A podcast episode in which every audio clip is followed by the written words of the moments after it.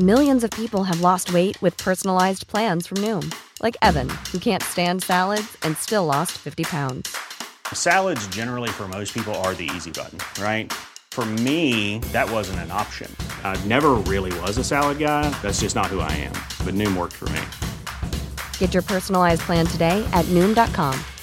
Real Noom user compensated to provide their story.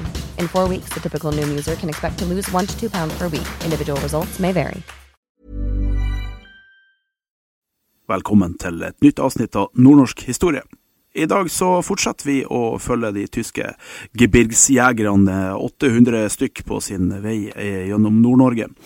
Vi har nå kommet så langt at eh, de har kommet til Elsfjorden. Der er ferga senka, så de må finne seg en vei over fjellet. Fjellet det heter Korgfjellet. Kanskje du husker hvor eh, bratt og farlig det var. Vi eh, har besøkt Per Kristian Steinmo, som kan fortelle både om hvordan de kom seg over fjellet, og også etter hvert hvordan de bygde veien over ved bruk av bl.a. krigsfanger fra Serbia. Da er vi på eh, Steinmo gården. Vi er fortsatt i Vefsn eh, kommune, og eh, vi er hos Per Kristian, som heter Steinmo til etternavn. Ja, ja, det er riktig, det. Ja, Og du bor på Steinmo gård?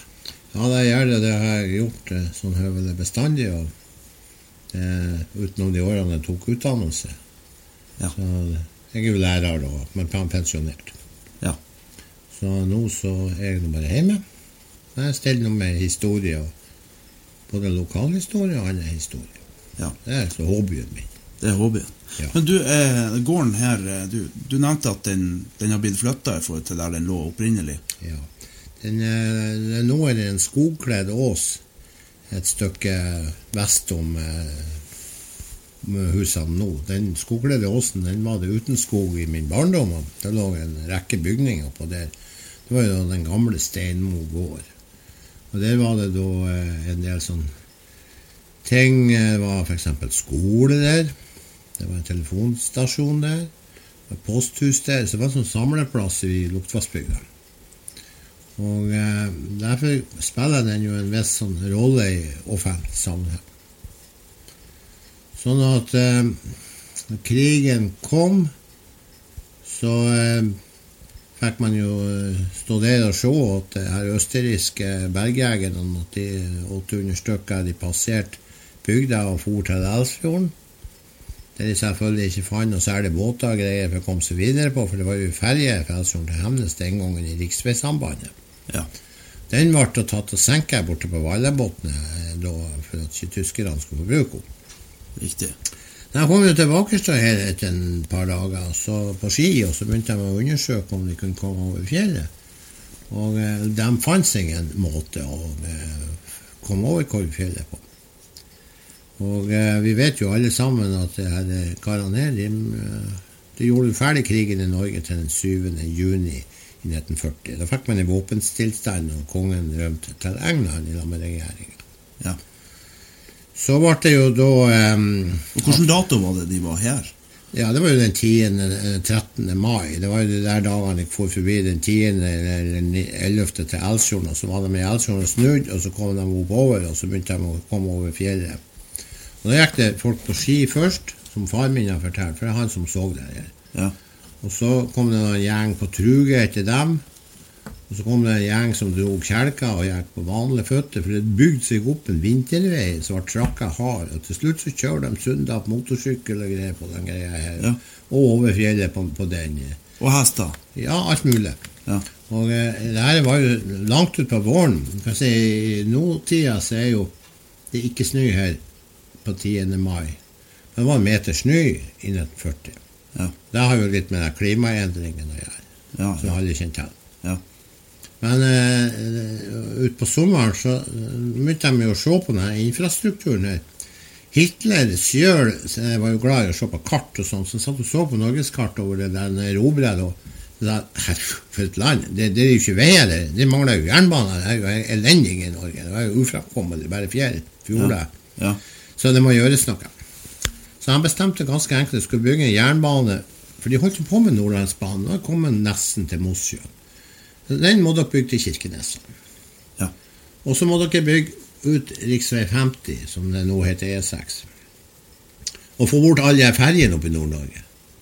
Sånn at sånn for eksempel det her Korgfjellet. Det må gå an å få vei over Korgfjellet, ikke sant?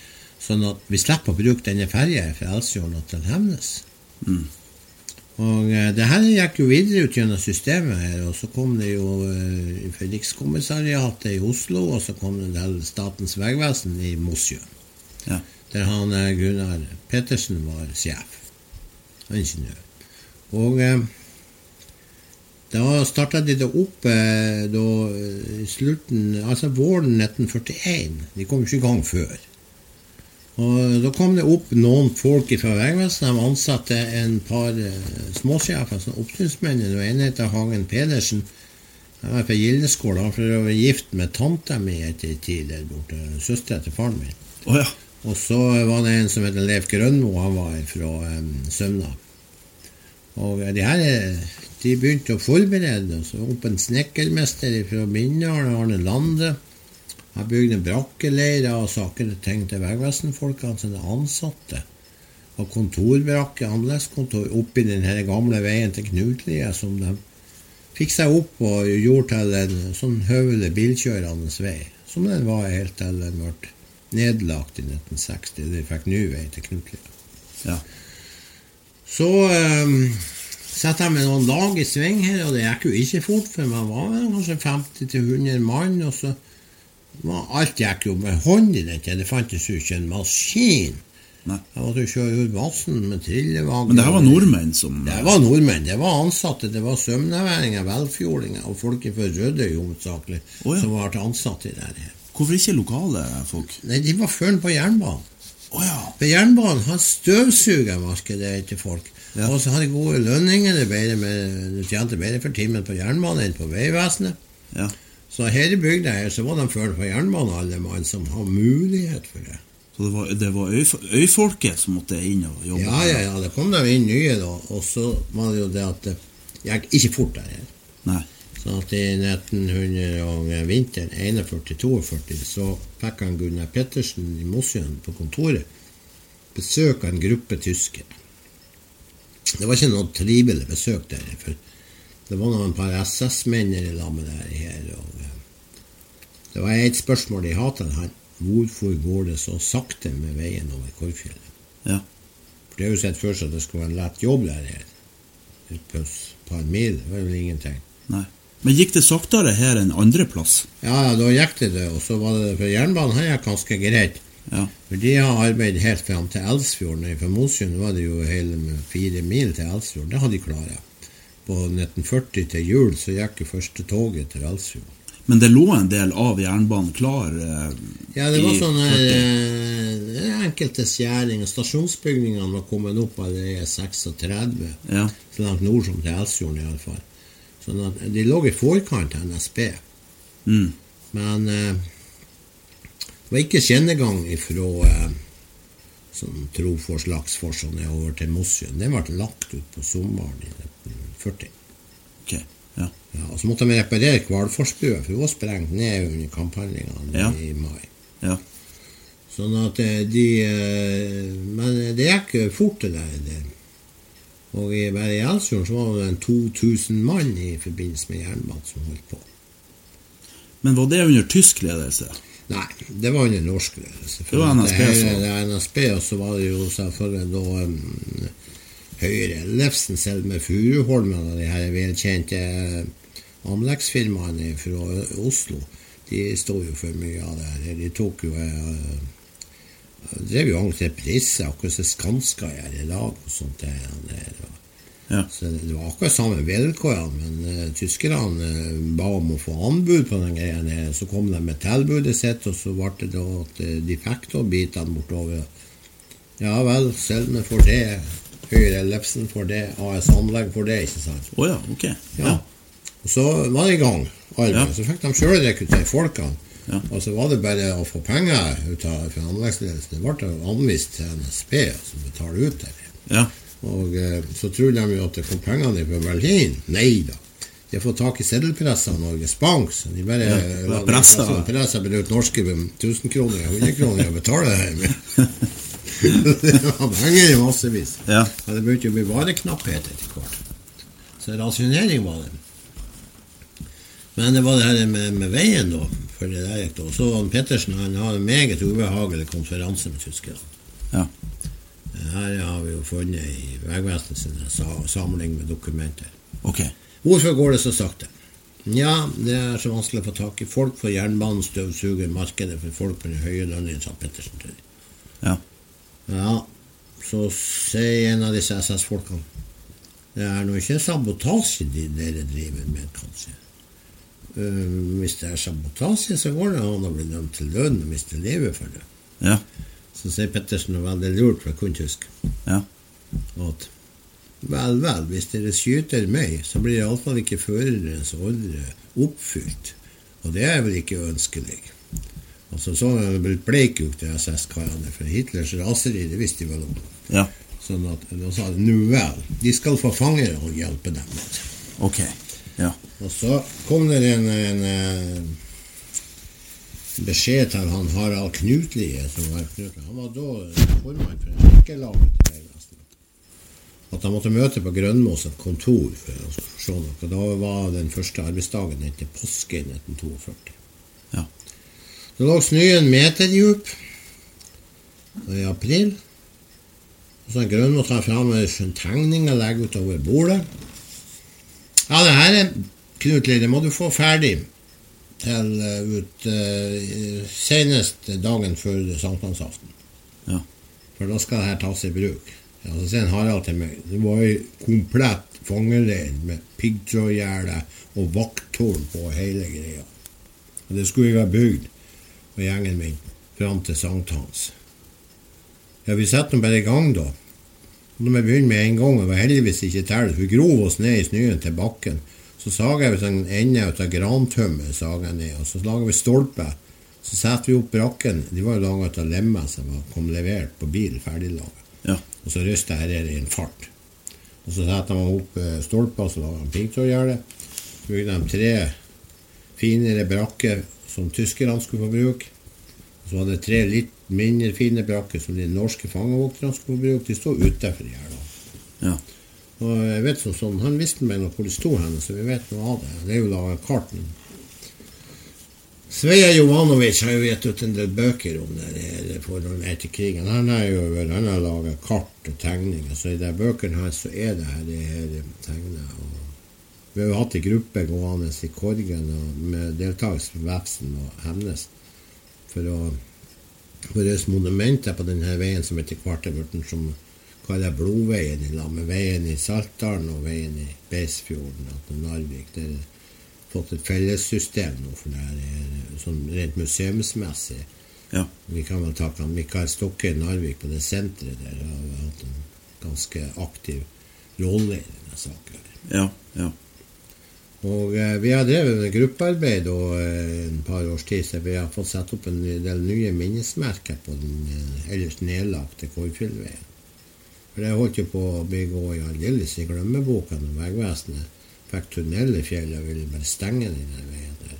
Ja. Så vi setter oss imot det, for vi syns jo det at det er, det er viktig å ta vare på minnene om det her. Mm. Så det fikk vi nå gjort ferdig til da i, i eh, 2017. Da har vi vel kommet på eh, 75-årsdagen etter denne historien da de kom og fanga han i 1942. For eh, om ettermiddagen eh, sankthansaften i 1942 så kom det et forferdelig opptog her forbi her jeg bor, etter veien her, med folk i eh, ja, fangedrakter som sprang for livet, i tresko som ble jaget av gråkledde fangevoktere som slo dem med geværkolber, skreik 'snill, snill, loss, loss', og så husker jeg hva jeg. Da han som kom med tog til Elsfjorden, så tatt dem av der, så jager de 400 mann oppover veien i Felsfjorden til Knutlia, til Lager Osen, som de kaller den, for, for det heter jo Osen her nede ved Luktvatn. Ja. Fordi at hvis du er tysker, så er det enkelt å si Osen, men det er veldig vanskelig å uttale Knutli. Ja. Ja. Det vil de ikke bruke. Nei. Så de kaller den for Lager Osen. Ja. Men Lager Korgen, det klarer de med. For de bygde en leir der òg. ja. Omtrent likedan på Fagerlimoen i Korgen. Det blir da andre sida. Det er den andre sida. De skulle jo jobbe på den sida. Andre sida. Ja. Og så hadde de det toget med de vognene med dem, de fortsetter til, eh, til, til Røsså stasjon. Så de ble jaga oppover Baklandsveien og Korgenleiren der. ja. Ja. Var det 400 der òg? ja, det var litt mindre. Det var vel 280 eller 300 stykker og noe sånt. Ja. Jeg lå oppå det. Litt Ja. mindre. Men ikke Og så var den under felles administrasjon, sånn at SS-administrasjonen her, men Herman Dolp, som var oberstormannfyrer, han var sjef i Korgen også, men han har en underordna til det. Han har bodd her i, i egen brakke her i Knut. Far min han så jo på det her at de jaga disse menneskene, og det var brutalt. Ja. For det var tyske vakter som Ja, første det, gang. var, det var en blanding. Det var norske og omtrent like mange norske. Det var Det kalles det for Hirden. Ja. Han eh, Erik Veum, som er så kjent fra NRK sine sendinger i utlandet som reportasje, han har vært og undersøkt og skrevet bøker om det her Hirden og statspolitiet og det her. Ja. Veum han intervjua jo også meg i den der forbindelsen. Okay. Nå ble Ja. jo dessverre feilsitert litt i det her, her bokverket hans. Ja. Sånn at jeg fikk ikke kontroll på manuset før det ble utgitt. Hva var det han siterte da? Nei, det var jo det der hvordan eh, Harald Knutli og han, eh, deres virksomhet det ble litt feil på navnene og sånt, og hvem som var, gjorde hva for noe i det. Ja. Eh, Sannheten var jo det at eh, han fikk den her, den her eh, brutale nazismen helt opp i øynene. Det har vi ikke hatt det før. Nei. For de tyske eh, militære hærsoldatene det var stort sett greie folk. Som det Det var vanlige gutter. Det var jo ikke noe vold med de. og sånn. Det, Nei. nei. Sånn at eh, det var en sånn en, eh, Det gikk an å snakke med. De kom jo som så og så sier de, vi trenger noe ved og sånn. Vel, ja, eh, vil dere betale? Ja, du skal bare, vi, vi, vi hugger, du skriver regning, ikke sant? Du sender regningen på kontoret til ko- kompaniet nede i Elstrom. Så Ja. fikk jo faren min betalt for det de tok da. Ja, ja. ja. Så det var jo for så vidt greit forhold. Mm. Men det her, det ble jo på en litt annen måte. Ja. Og eh, det var så voldsomt mye slåing og skriking og roping. Og de her hirden som eh, Det var folk fra Østfold, det var folk fra Finnmarken. Det var norske ungdommer som var rekruttert med forskjellig uheldig bakgrunn. Det var sånn kriminelle, det var halvkriminelle. Det var litt av hvert i den der gjengen. ja, var det folk fra Finnmark òg? Ja, ja, ja. Det, var det. Det så jo tiltalt en fyr som heter Kaupi, som var spesielt ille i 1946. Ja. Ja, for det ble røska opp i det så var det en del som fikk straff, og det var noen som var nummeret under dødsstraff. Ok. Ja, for de har tatt livet av såpass mange. Ja. Men eh, de kom seg, de berga seg, så vidt det var. Ja. Det var en gærning fra Østfold, det er Henriksen. Og jeg nevnte det det bøkene til han Veum. Ja. Men eh, de eh, gjorde det nok for at de skulle eh, vise de SS-lederne sine at de var flinke nok for jobben. Okay. Så de opptredde verre enn de tyske. Ja. De skrek høyere, spenna, slo hardere og skjøt flere. Sånn drev de på. Ja. For alle sammen var hirden de utstyrt med sånn avlagt norske feltuniformer fra norsk militære. Og så hadde de en uh, muser i neven. Og så lunda de være løs på folkene med det der. Hadde, sånn at når de kom opp i leiren i Knutlia, så ble de stappa inn der. Og så fikk de kun potetsuppe til mat og ingenting annet. Og så var de jaga opp klokka seks om morgenen, og så jaga oppover til eh, veianlegget. Og så når norske eh, profesjonelle sprenge, sprengningsfolkene eh, De bora jo og sprengte. Så måtte altså disse fangene bære steinene ut tur eh, den skjæringa. For man lager jo skjæring og fyllinger på denne veien her, for det er ujevnt landskap. Ja. Ja. Og så måtte da de her jugoslaverne de måtte bære den steinen ned imellom seg og slippe den ned i dalen for å lage fylling. Ut av den skjæringa. Mm. Og da hadde de et sånt der trebrett med håndtak på, så de gikk med steinene imellom seg og så tømt. Og så tilbake til en mer. Ja. Og du vet, de var jo sulten og svak og syk. Og sår fikk de og greier. Og du vet, det var jo, de ble jo hardt, de ble umulig. Var, hvis at noen mistet brettet og snubla der, så sprang det fram en vakt og raste og skjøt den på stedet der. Så det var jo ren utryddelse, det dreia seg om. Men de, de jo fra Jugoslavia alle sammen? Som Ja, var- det kom derfra. Altså, over 90% av de her er jo serbere. Ja. Det er noen få kroatere. Ok. For Kroatia de har en annen status oppi den greia enn Serbia. Mm. For Hvis du ser på et kart fra 1941-2, så ser du at tyskerne organiserte Jugoslavia om fullstendig. Okay. Slovenia det ble som det var i gamle dager, en inkorporert del av det tyske riket i Østerrike. Det her er Kroatia det er en egen stat som drives ut av en fascistisk leder som heter Ante Pavlic og Ustasja, et nazistparti der. Ok. De har eh, hånd om mye av Kroatia. Det som er kysten av Kroatia i dag, Dalmatia, det har Italia sikra seg. Og for så vidt en del av Bosnia, som er en del av Kroatia. Ja. Men det her han, eh, Serbia, det er direkte tyskokkupert. Okay. Bortsett fra noen distrikt i nord som Ungarn har fått tilbake, som de mista i 1918. Ja. Og eh, i det tyskkontrollerte Serbia, som er det okkupert, der er det to motstandsbevegelser som jobber. Den ene bevegelsen heter Tsjetnikene. Det var en høyrebevegelse, en general Mihailovic. Og han eh, inngikk et hemmelig samarbeid med tyskerne for de ikke skulle bli så hardt ramma. Sånn at eh, han fikk dødsdom eh, etter krigen for det der. Men Josip Broz Tito, som var kommunistleder i Jugoslavia, formann i Jugoslavias kommunistiske parti, og han var for så vidt opplært i Moskva, han eh, organiserte en eh, tøff motstandsbevegelse som var sentral i Bosnia, der det er så fjellrikt og vanskelig. Mm.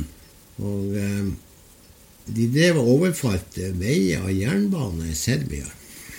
Det tyske kolonner som skulle til Hellas, Ja. jeg gjennom. Ja. Du kunne se det kom kjørende som bilkolonne med tegn som mange tegner.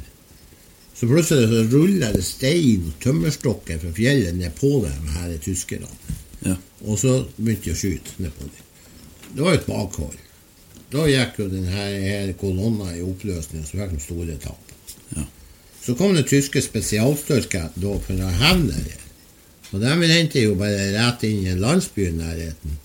Og så skjøt de ned en masse med folk der. Mm. Og så kunne de ta en gjeng som fange. Det var helt vilkårlig, det var ikke nøye. Jeg var en 15 års gutt, så var du kvalifisert for å bli tatt til fange. Og så, og så var det hvor skulle du gjøre av dem? Sende dem til Nord-Norge ifølge Hitler og fryse i hjel. Rett i bare for å gå der oppe. Vi kan sette dem på et anlegg slav dem. Ja. De har ikke krigsfangestatus. Det har russerne, så de er sånn sett litt bedre. De er litt bedre. Oh, ja. Ja. For at eh, det var den Genévekonvensjonen har Tyskland en gang undertegnet på, så det var de litt bøtten da. Mm. Men eh, de brøt den ofte. Ja, vil jeg tro.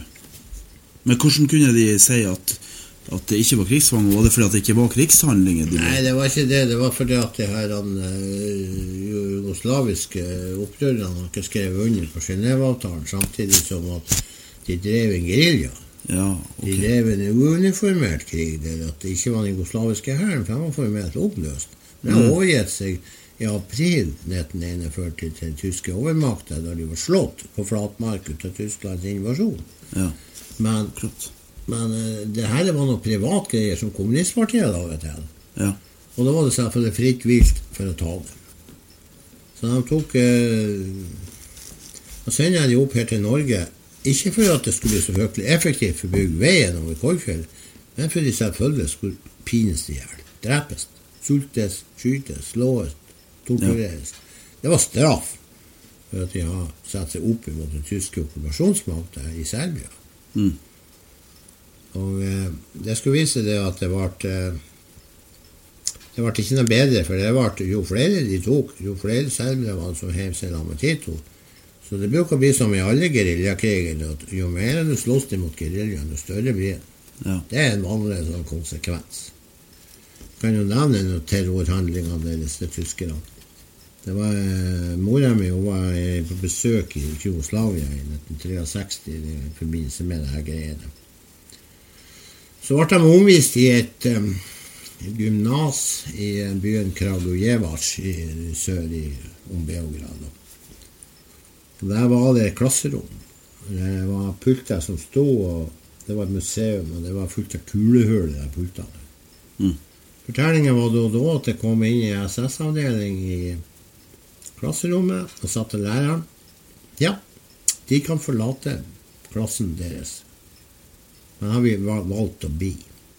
Så så de og la an Smeiser-maskinpistolen, og så skjøt de alle sammen. Alle de der 17-åringene. Og så pluss da denne læreren som sto der med kateter. Ja. Ja, det var en kraftig terrorrepresalie for å skremme de. Ja. Ja, stygg sak. Men det var sånn det virka. Hele. I Norge gjaldt det jo, for i Norge slutta det jo med sabotasje mye pga. de her eh, handlingene. Men i Jugoslavia så var det omvendt. I Norge så har vi eh, et problem, vil jeg si. Jeg vet at det var forskjell Hitler har laga forskjell på folkeslagene. Norge og nordmenn er et germansk folkeslag, altså beslekta med tyskerne. Så det fantes en stående ordre om at nordmennene skulle behandles som mennesker på en ålreit måte. Så lenge de ikke direkte satte seg til opposisjon mot tyskerne og gjorde noe galt. Mm. Så når tyskerne henvendte seg med høflighet til nordmennene, og det var fryktelig mange nordmenn som samarbeidet med tyskerne, det er en kjensgjerning, spesielt på det økonomiske området. Mm. Og så så fordeler ut av det og jobb for dem. Ja, massevis av anleggsarbeidere. Det, det, det, det, var mange, det. Og NS-partiet i Norge det ble aldri særlig populært, men det var nå en 70 000 medlemmer i det på det meste, iallfall. Ja. Og eh, de var jo direkte vennlige med tyskerne. Men du vet, det med slaviske folk, russere, polakker, eh, serbere, sånne Det var jo ville dyr. Det var jo ikke mennesker, ifølge Hitler. Det var jo folk som skulle utryddes for å gi plass til tyskerne. Tyskerne skulle overta Øst-Europa og få eh, utvide området sitt, for de var mange, de var 80 millioner, og de bodde trangt i Tyskland og Østerrike. Så de måtte prøve å få større områder. Og da skulle slaverne vekk, som er fellesnavn på de menneskene. Ja. Og derfor den der behandlinga av de som var så fryktelig rå. Mm. Og eh, helt på Korfjellet så ble det seg sånn at veianlegget det fikk ikke noe videre vekst og, og, og, og fart på fordi om at de her 400 jugoslaverne kom hit. Tvert imot, altså, eh, arbeiderne våre sleit fryktelig vondt psykisk ut av det her. Så det var noen som sa opp og prøvde å komme seg på jernbanen og finne annen jobb i stedet for det. Å ja. Og det gikk veldig hardt utover en onkel min som, skulle, han, som var gift med tanta mi. For han skulle nå liksom være melde her da, og prøve å formidle. Så jeg sa til han Dolp at jeg prøver å hindre at disse henrettelsene at det ikke var offentlige, sånn at arbeiderne mennene får se det, for de klarer ikke det her. Nei. At jeg måtte prøve å skjule det. da. Mm. For en Dolp sto nå der og trodde man skulle skyte han Hagen Pedersen, og det var nå slett ikke noe trivelig. Nei. Kan jo ta med ord om en Herman Dolp. Jeg har gjort undersøkelser, Stokke hjelper meg litt. Grann. Vi fant ham på internett. Herman Dolp han er en person som er uh, relativt gammel, altså, noen år eldre enn Hitler. Han har en viktig oppgave. Han var først vant i første verdenskrig som vanlig tysk soldat i Frankrike. Der sleit han sikkert vondt psykisk, for han var gift, han hadde fire barn, han var fra Tyrk hjemme i Bayern. Og eh, han eh, var en av de arbeidsløse soldatene i 1920 som var kommet hjem. Og de der de har nerveproblemer, og de lå under for del alkohol. I 1923 så gjorde Hitler forsøk på statskupp i Bayern, noe som heter ølkjellerkuppet. Putsje. Det var han Dolp med som eh, sånn eh, livvakt for Adolf Hitler. Oh, ja. Ja, så han gikk der og passet på og stokk i neven og holde unna forskjellige andre, men de ble nå arrestert hele bunten. Mm. Hitler har en sånn egenskap, at han glemte aldri en person som har stiget ned han og hjulpet ham med noe. Så han husker Dolp. Så når Dolp dukka opp i SS fra 1931, Høydrich begynte vel å bygge der, der da, sånne himler i de toen. Det var jo de som bygde SS. Så eh, fikk han jo først en stilling for å bygge fangeleiren Dachau i 1933. Og det var jo en eh, SS-leder som heter Theodor Eike, som eh, var sjef der. Men Eike det var en fyr du ikke skulle komme ut for å få sint, for han var sint, skikkelig sint. Det var en kar som kunne kjefte opp folk. Men den Dolp han har én feil, og det var at han var alkoholiker. Det går ikke an. i SS-reglene er sånn at du får ikke lov å drikke i SS. Det var forbudt. Du skulle oppføre deg som folk, du skulle være gift, familiemann, gjerne ha mange barn. Du var en skikkelig tysker.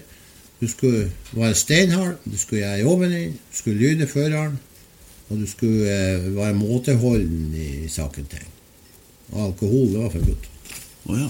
Og så var han også drakk. Og så fikk jeg selvfølgelig et forferdelig oppgjør med han Eike, for han har vært full vet du, på arbeid. Oi. Det var ikke bra. Så han ble sendt til Sachsenhausen. Eh, omplassert. Den var jo neste leiren de bygde ut. 18 Berlin. Der fikk han jo bli, bli bekjent med han Rudolf Høss, som var senere kommandant i Auschwitz, som har skrevet bok om det. her. Mm. Han ble eh, hengt i Polen i 1946 som straff for det. da. Ja.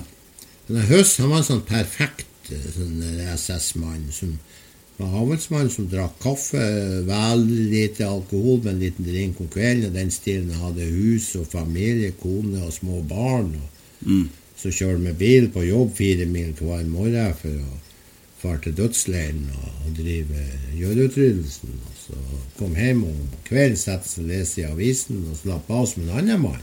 Mm. Ja, i fred og ro. Ja. Ja, Helt utrolig altså, dobbeltliv på det karene. Ja. Men han eh, Dolp han kunne ikke tilpasse seg det så han var dagså full i Saksenhusen. Og ble selvfølgelig straffa en gang til. Og sendt til Polen, som var okkupert. Da er vi jo kommet eh, i slutten av 39. Ja. Og eh, det er en, en kjempefeil som er helt forbudt. Og det er at han voldtar ei polsk dame. Og så Og da blir det virkelig gærent, for himmelen blir jo rasende. For det var slettes ikke lov å ha noe omgang med noen sånne slaviske befolknings- ikke germanske. Det var ikke lov i det hele tatt. Oh, ja. Men av Hitlers hu- hu- hukommelse og det der at han, altså han Dolp har beholdt merkelig nok graden sin som han har fått. Og at han var stormannfører og greier. Men, altså, men han ble overført til eh, en ekkel fyr eh, som de kaller for Globus, de andre nazistene. For de kunne ikke si det slaviske navnet. Den heter for Globotsjnik. Ok. Faren var tysk, og mora var eh, jugoslavisk.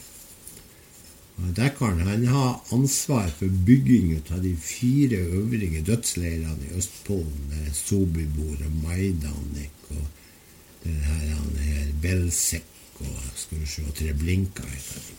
Ja. Det er de som kommer i tillegg til Auschwitz som er. Ja. Det ble en dolp uh, satt under den der fyren, som egentlig var kriminell. For han stjal nemlig byggematerialet til leirene når det kom fram, og solgte det på det frie markedet. Oh, ja. Luringer. Så det gikk mye teglstein som ikke behøvde å eh, Som jeg stappa pengene for i lommen sjøl, og planker og saker og ting. Ja. Så han stjal fra SS. Men han holdt seg iallfall edru. Ja. Ja, så han fikk være kommandant. Men han var mye yngre enn Dolp, så Dolp manntrivdes det. Og så ble han da kommandert til Norge som kommandant i Knutland. Total landsforvisning. Ja. Ja, det var forvisning. Det var straff ham. Å ja. Så han var lite blid da han satt ute på, på tretrappa framfor brakka si der med en stokk i neven. Og så har han da en lugerpistol i beltet, en schæferhund til kjæledrenget og ei brennevinflaske i hånda. Oh, ja. Det var kommandanten i Ja. Lager Osen. Akkurat.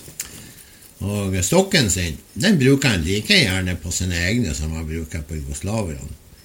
Oh, ja. Så han slo gjerne en annen SS-mann som underordna i hodet med stokken hvis han var forbanna på han. Eller en norsk kid fikk sin smell over ræva.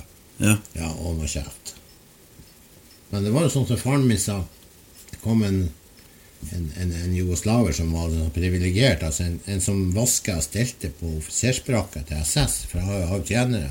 Mm. Kom uh, sjanglene og snublende i treskoene sine ned fra leiren, for da var du utafor gjerdet når du var hos SS. Ja. Ja. Så satt han da på trappa der var, var det vært ute på sommeren i 42. Og så tør han seg for det på noen fioler som vokste. Og da spretter han rasende i været og sa Ah, de skjønne blomen, svannhund! Pang! Skjøt med lugeren.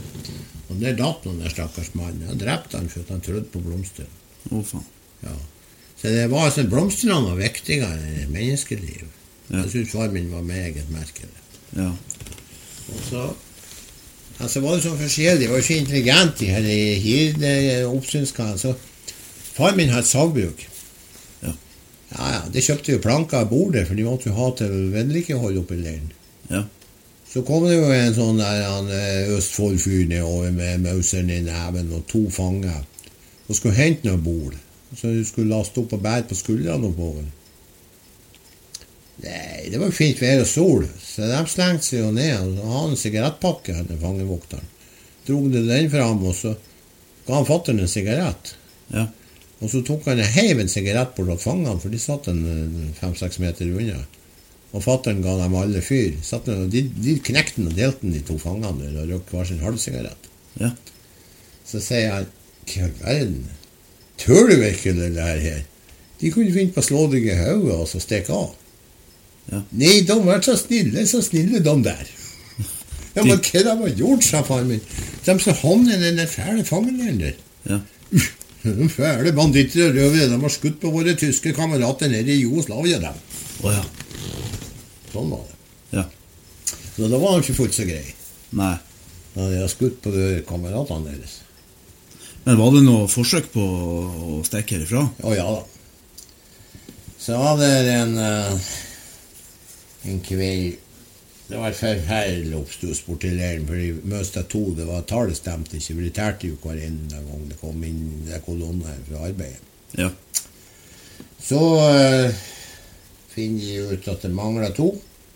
Det ble jo fryktelig til styr. Så skal han eh, Harald Knuten han gjør småbruket sitt rett bortom leiren. Fjøs og hus og greier, og familie. Ja. Og så skulle han bort inn på låven og så hente noe høy til den her kynsjøen. Det var jo høsten da i 42. Det begynte å bli mørkt. Så finner han to manner under høyet som har gjemt seg. Oh, ja. Det er de rømlingene. Ja. Det, visste hva jeg skulle gjøre. Ikke kunne jeg, jeg har ikke lyst til å angi dem. Men å ikke angi dem, det var jo livsfarlig. For ble de funnet der, Ja. så ville han bli drept, og familien sikkert ble deportert en eller annen plass. Ja. Og småbruket brent opp, for det var jo straffa for sånt. Men han besluttet at han skulle prøve å hjelpe dem. Så han gikk litt lenger på kvelden, og det begynte å roes litt borti leiren. Så tok han og lurte de med seg en kjempelang omvei rundt hele greia. Og så opp på Korgfjellet. Og så til fjellgården Svartvatnet, der han fikk tak på en eh, Arne Svartvatn. Og så ble de eh, derfra guidet videre ut av forskjellige grenseloser, så de kom seg til Sverige. Så de berga seg? De berga seg. Ja. Og det, det der, så når krigen var slutt, så var det jugoslaverne selv for å fant han Harald og takka han, og så inviterte han ned over til Jugoslavia på ferie. Så da var det mange turer i Jugoslavia. Ja. Ja, jeg var betraktet som en sånn helt liksom, til Jugoslavia. Jeg fikk meget god behandling. ja. Ja, Men forholdet til, til lokalbefolkninga og, og fangene, her, hvordan, hvordan var det generelt? Nei, det var sånn at man var jo overgitt over det behandlinga de fikk. Så det man prøver, det var jo å prøve å stikke til i mat og nødvendigheter. Sånn at man bruker å lage brødskiver og så prøve å gjemme dem bakom steiner uten at fangevokterne så det. Ja. Og så, Det var jo vegarbeidere som plasserte ut det her. Og så var det fangene fant det, så gjemte de det på kroppen, og så tok de tugga og åt av brød litt sånt der. Så de, de fikk jo litt hjelp på den der måten med mat og sånn. Ja. Men det var jo kjempevanskelig, for at eh, det var jo under bevåkning hele tida. Du kan si man har en spredd utover en par kilometer av veien, så det var en 400 jugoslaviske fanger, så var det en 25 fangevoktere som vokta det her. Ja. Og så var det da de norske arbeiderne som drev med minering, boring og sprengning og sånne ting. Ja. Så, men de gjorde det så godt som de kunne. Ja. Og eh, borte i Koingen så ble det så galt at det var Skal vi se, de var to-tre som stakk av, men de drepte en vakt ved å hjemlage kniv de skjærte av strupen på. En norsk vakt? Nei, den der var tysk. Ja. Ok. Og det ble et forferdelig huskestue. Far min kan huske på det at det var sommeren 42. Den våkna over minnet av at døra til huset hjemme den ble sparka opp med et brak, og inn kom det en flokk med tyskere med påsatt bajonett på geværene og gikk løs på sengen deres og stakk i madrassene og holdt ei forferdelig husundersøkelse oh, ja. for å prøve å finne henne. Ja. De, eh, de søkte gjennom hele fjellet. Det var en som var ekstra uheldig. Det var en nabo her, Torolf Hansen. Han hadde tatt på seg å hjelpe en polsk rømling fra Drevjaleiren over fjellet retning Sverige. Og de hadde overnatta på hytta til faren hans. Der kommer tyskerne brytende inn og tar dem begge to. Oh, ja. Og han polske, det vet vi ikke hva det gikk med. Men det, han eh, Torolfen han ble bringa ned til Vollan kretsfengsel i Trondheim og satt inn foreløpig der med tanke på videresending til tysk fangeleir. Ja. Men klarer de med to andre å stikke av De var ute på noe slavearbeid.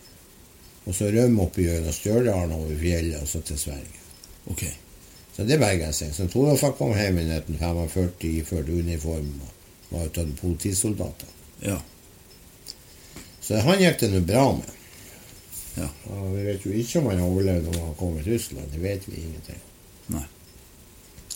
Så det var noe liksom sånn bivirkning av den der, der, der historien med den som var skåret av strupen. Ja. Men fant de ja, de der som gjorde det, de ble nå spora opp opp i eh, rundt Akersvatnet i Rana. Oh, ja. Langt der nord. De kom litt skjevt ut, så de kom ikke rett over grensen. Nei. Så det ble noe, noe skyting ut av de og greier. Og så ble det noe tatt represalier i leiren i Knutlia. En 60 mann som ble skutt der for det der. Og så når en fyr hengte dem opp i ei gran, så hang der i tre uker til skrekk og advarsel. Okay. Det var ikke noe fint syn. Knutlekarene sa at det var mye stygt de fikk se der fra vinduene i husene sine. For de var jo huset rett opp om leiren, så så de ned inn. Ja. Ja, så det var lite bra. Men kom det nye fanger da, etter Ja. hvert så de utrydda de her eh, De fylte på etter hvert, sånn at det kom, fangetallet på 400 det var noenlunde konstant utover høsten 1942. Ja. Og eh, det var forskjellige gærenskaper. De eh, skulle fant og før Dolp fant ut at det var lus på fangene og sykdom. De skulle tvangsbades i Lislokvatnet den 1. november. Det var jo noen dager før isen legger. Ja. Så jaga jo hele flokken naken ute i vannet. Men følge ut at selvfølgelig så kom det lungebetennelse på flokken. Oh, ja. Og så døde det en hel mengde av det, da. Ja. Men det finnes et bilde av en når de holder bading på den gjengen. ja. Hvem som tok sånne bilder? Det gjorde de sjøl, oh, ja. tyskerne. SS. Ja. Ja, de måtte jo ha det til å vise spørre seg hvor flinke de var, så de tok jo bilder. Ja. Ja. Så det har de plukka fram eh, på arkivene der nede. Det er noe sånn Stokke har gjort. Han er flink å finne. Ja.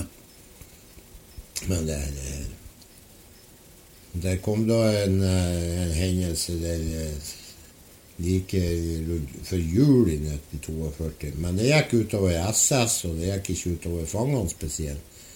For den der elva som renner gjennom Knutlia, hun fryser igjen om senhøsten. Og så legger det masse snø oppå isen.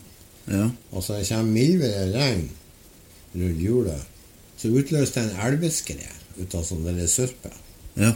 Og så kom det en diger sørpeskred og holdt på å ta de der boligbrakken til SS. Oh, ja. Så det kom, eh, ble en graut som lå oppe på veggen der. Ja. Så var det fangene jaga ut i tre sko og bare føttene til å spa bort sørpe. Det var jo tortur. Ja. Men så ble de her herren eh, Aksel og eh, Anders Nordberg Knutli de ble tatt til fange og bringa nedover til dolm. Om det var de som hadde laga den der skreien ved å lage demning oppi elva Oh, ja. Tåpelig. Ja. Det kunne ikke de ha noe verken interesse eller mulighet Men de ble så trua med å bli skutt på stedet for at de var skyld i skreien. Ja vel. Så de var redde. ja. De var skremt. ja. Men ble de sluppet løs, Ja, de ble sluppet etter hvert når de hadde fått tenkt seg litt om det. Ja. Og så, eh, For de bedyrer jo selvfølgelig sin uskyld. De har jo ikke noe med det. Men de kunne jo fortelle at det der var noe som hendte hver vinter. Mm. Og det har jo hendt i min tid også, at den elva skrev. Ja. Det er jo normalt. Ja. Men det var noe sånn at så skulle han eh, andre bonden i Knutland, Nils Knutli, han skulle jo opp og kjøre ved for Vegvesenet med hesten og sleden sin.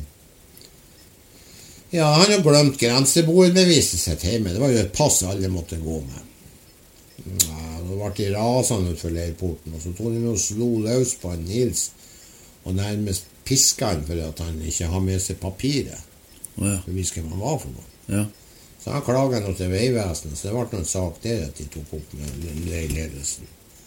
At han ble banka i utrengsmål. Ja. Så sånn kunne hverdagen være. Ja. Og døtra hans, eh, Nils Kulti, hun eh, Jonella, hun lever ennå. Og hun forteller hun så at de var sterke på brennevin i den gjengen. De drakk voldsomt mye brennevin i de tyskerne. Hiden og så hiver de betongflasken under brakken, så var åpna en ny ei. Å ja. Du ja. vet når man drikker så mye brennevin, så får de sånn paranoia. De, blir- de, de, de, de, de begynner å veie med nervene på dem, så de blir helt umulige. Ja. Det er ikke noen mennesker som tåler den. Og, og, og det er nok et bidrag til alle grusomhetene, det er at det blir for mye brennevin. For jeg er sikker på at hvis man har kjørt ned brennevinbruken, så hadde de blitt mer saklige enn de var. Men hvor, hvor grusom var denne leiren i forhold til f.eks. andre leirer i området? Altså, I Korgen var det ikke fullt så galt. Det, det var mange som omkom der også, men det var eh, liksom sånn eh, litt grann mildere. Mm. Derimot oppe i Botn i Saksenvik eller i Vatne Rognan, der var det noen forferdelige greier. Det er vanskelig. Mange som døde. Ja. Og så det er Beisfjorden og Nei, altså, de har leita opp noen verstinger for å, å drive disse leirene. Det har de klart. Ja. Men det var gjerne sånne SS-menn som har dårlige rulleblad og sånn som ikke innordna seg. De Rudolf Høst, eksempel, de fikk kremjobb. Ja. Å bli direktør for en kjempeleir som Auschwitz, det var en kremjobb i den der forsamlinga. Ja, ja. Ja. Det var det. God lønn og forfremmelse. Ja. Nei, han Dolp, han eh, Etter hvert så kom det nye ordninger. Eh, amerikanerne begynte å reagere på den krigsfangebehandlinga som en 10 000 folk ble utsatt for. I Sveits det var et nøytralt land. Det var et sånt sted der både Tyskland, USA, Storbritannia, Sovjet og de hadde ambassader. Mm. Så det var en viss utveksling av meldinger. Så at amerikanerne sender en liten melding over til tyskerne i, i, i Sveits. At hvis det ikke kom til å bli ordna med krigsfangebehandling av jugoslaverne, så kunne tyskerne risikere å bli stilt til ansvar for det der, og få egne fanger bli fratatt Genéve-rettighetene, sånn at tyskerne kunne bli satt i sånn sulteleirer sjøl. ja. Det virka. Ok. kom nye ordrer ut i 43 ut i senvinteren. Ja. Da herrene og herja på en ni-ti måneder, så kom det nye ordninger. Leiren skulle settes under Wehrmacht, altså den tyske krigsmakt sin drift. SS skulle trekkes ut turen. Og den skulle omorganiseres til en vanlig krigsfangeleir. Ok. Og han Dolp han reiste. Og han med den siste, det var sa faren min, for de har jo den telefonsentralen her. Han kom og fikk et telegram. Han Dolp? Ja. Ja. I det telegrammet det sto det For det er selvfølgelig faren min skrevet og lagt i konvolutt at eh, hans eh, sønn var tatt til fange til russerne på Østfold. Oh, ja. Han ble bleik, sa faren min da han leste det der. Ja. Etter det der så slo han visst ikke folk noe mer. Nei. Men han gikk eh, og søkte seg over i SS, Waffen SS. okay. Så han kom inn i krigsstyrkene. Og bort til fangeløy. Ja. Og han eh, ble da eh, ja, Det fins et bilde av ham. Det har han fått forfremmelse. En standartenfyrer. Da er du eh, skikkelig oberst. Falt i Romania høsten 1944. Ok. Ja, Da var han saga omme, han er borte. Ja. Og SS de dro sin vei, og eh, fangene fikk eh, betydelige forbedringer i tilværelsen. Og hyrden ble med SS-ene? Hyrden de for også til andre oppgaver. Ja. Det var ofte sånn at de var kjennere, eller de kunne melde seg til østfronten. Da fikk de forfremmelse hvis de våga det. Ja. Det var en god del norske som gjorde det. Ellers gikk de over i det statspolitiet. Det er jo omtalt ut av en Erik Veum og Ja. de ferdighetene. og Da var det kampen mot motstandsbevegelsen Norge det gikk over. Mm. Nei, så det, det her leiren her, han eh, Når vi kom til sommeren eh, 1943, så ble denne leiren han nedlagt. Ja. Så det var et år skikkelig han var her. Og så ble helt nedlagt. Ja, han ble nedlagt. Og så fikk Vegvesenet tak i noen flere folk, og så jobba de videre alene på veien ut 43. Men ennå var han ikke ferdig, og tyskerne rev seg i håret og ikke på hva de skulle gjøre med den veien. der. De fikk han ikke ferdig. De begynte å forstå at de trengte han for å få folkene sine tilbake. Ja, for for- det var gærent, vet du. Russland Ja. å overtake på dem. Ja. Så de har jo en eh, kvart million mannsstander i Finnmark og Nord-Finland. Mm. Og eh, de fant på noe nytt. Men I Norge så har man jo listene over alle vernepliktige norske. Ja. Så man laga arbeidstjenesten i stedet for militæret, altså AT. Ja. Så de fikk opp en AT-leir på hver side av fjellet. En her på tomta mi her jeg bor. det en 30 brakker. Det ble oppsatt bare på en snau liten måned våren 1944. Fylt opp med 400 ungdommer fra Trøndelag. Pluss 30 NS-menn til befal. Ja. De der, der fatterne sto og småflira. De gjorde militæreksersis med spade i stand til gevær. Ja, ja. Så marsjerte de på Korgfjellet, bygd på veien hver dag. Ja. Og så tilbake om kvelden, hele lå der. Og opp neste morgen, altså på Korgfjellet. Og så bygde jeg. Ja. Og da klarer de, sammen med Vegvesenet, å få så noenlunde farbart fram til høsten 1944. Så den 1. november 1944, sånn cirka, så klarer jeg å få den første bilen over. Ja. Og da var det akkurat du åpna ei demning. For jeg kom over en hær fra Finland ut av tyskere. Slagne tyskere. Tusener på tusener på tusener. Skulle være 254 000 omtrent. Passert. Hvor mange var det som måtte bøte med livet for at det- det skulle skje? Har dere tall på det? De som omkom til sammen Vi har jo leta og tært om hvor mange Det var jugoslaverne som gikk måtte bøte med livet. Det var jo ingen nordmenn. Så jeg gikk med Det er kommet til rundt 630 jugoslavere. Men det er vanskelig å finne det helt eksakte tallet. Ja. Du er landa på 631 personer som eh, ble drept i denne greia. Er de, be, er de Ja, da er det med Korgen og, og Osen. Ja. De ble jo da begravet lokalt til å begynne med. Noen er kanskje ennå ligger i veifyllinga, noen få som de ikke fikk. Men eh, Ja. i 1900 og eh, se 45 om høsten så ble det innviet gravplass. Både her i Knutli og i Korgen det var satt opp monument med stjerner på de likedan. Ja. Og gravplassene de er gjenstand for kransenedleggelse hver 17. mai. Riktig. Men uh, kjører likene, de ble der i 48 gravd opp, og så ble de beregnet til en fellesgravplass i bunnen i Saltdal. det Altså ikke til kjøtta, altså? Nei, det var med russerne. Det er en annen historie. Ja. Men alle Ok. jugoslaverne de ble samplassert på en stor kirkegård som ligger i bunnen. Det er som en sånn merkelig kom de. Det er masse med navneplater på bakken. Det er ganske beskjeden. Så. Ved siden av det så står det en stor, svær granittsteinkapellet med et malteserkors ved sida av. Det er den tyske militærkirkegården. Oh, ja. Og der er det ikke spart på noen ting når det gjelder monumenter og det er gravsteiner på alle soldatene de har mista her i Nord-Norge. De har havnet der. De Ja. greide dem med jugoslaverne. Så det var litt av det slo i øynene på meg da jeg kom og så det der for mange år siden. At uh, tyskerne de har sannelig ikke spara på noen ting det gjelder Nei. Der var timen vår oppbrukt. Det var det. Fantastisk. Tusen hjertelig eh, takk for Alt i orden. Det gikk jo greit.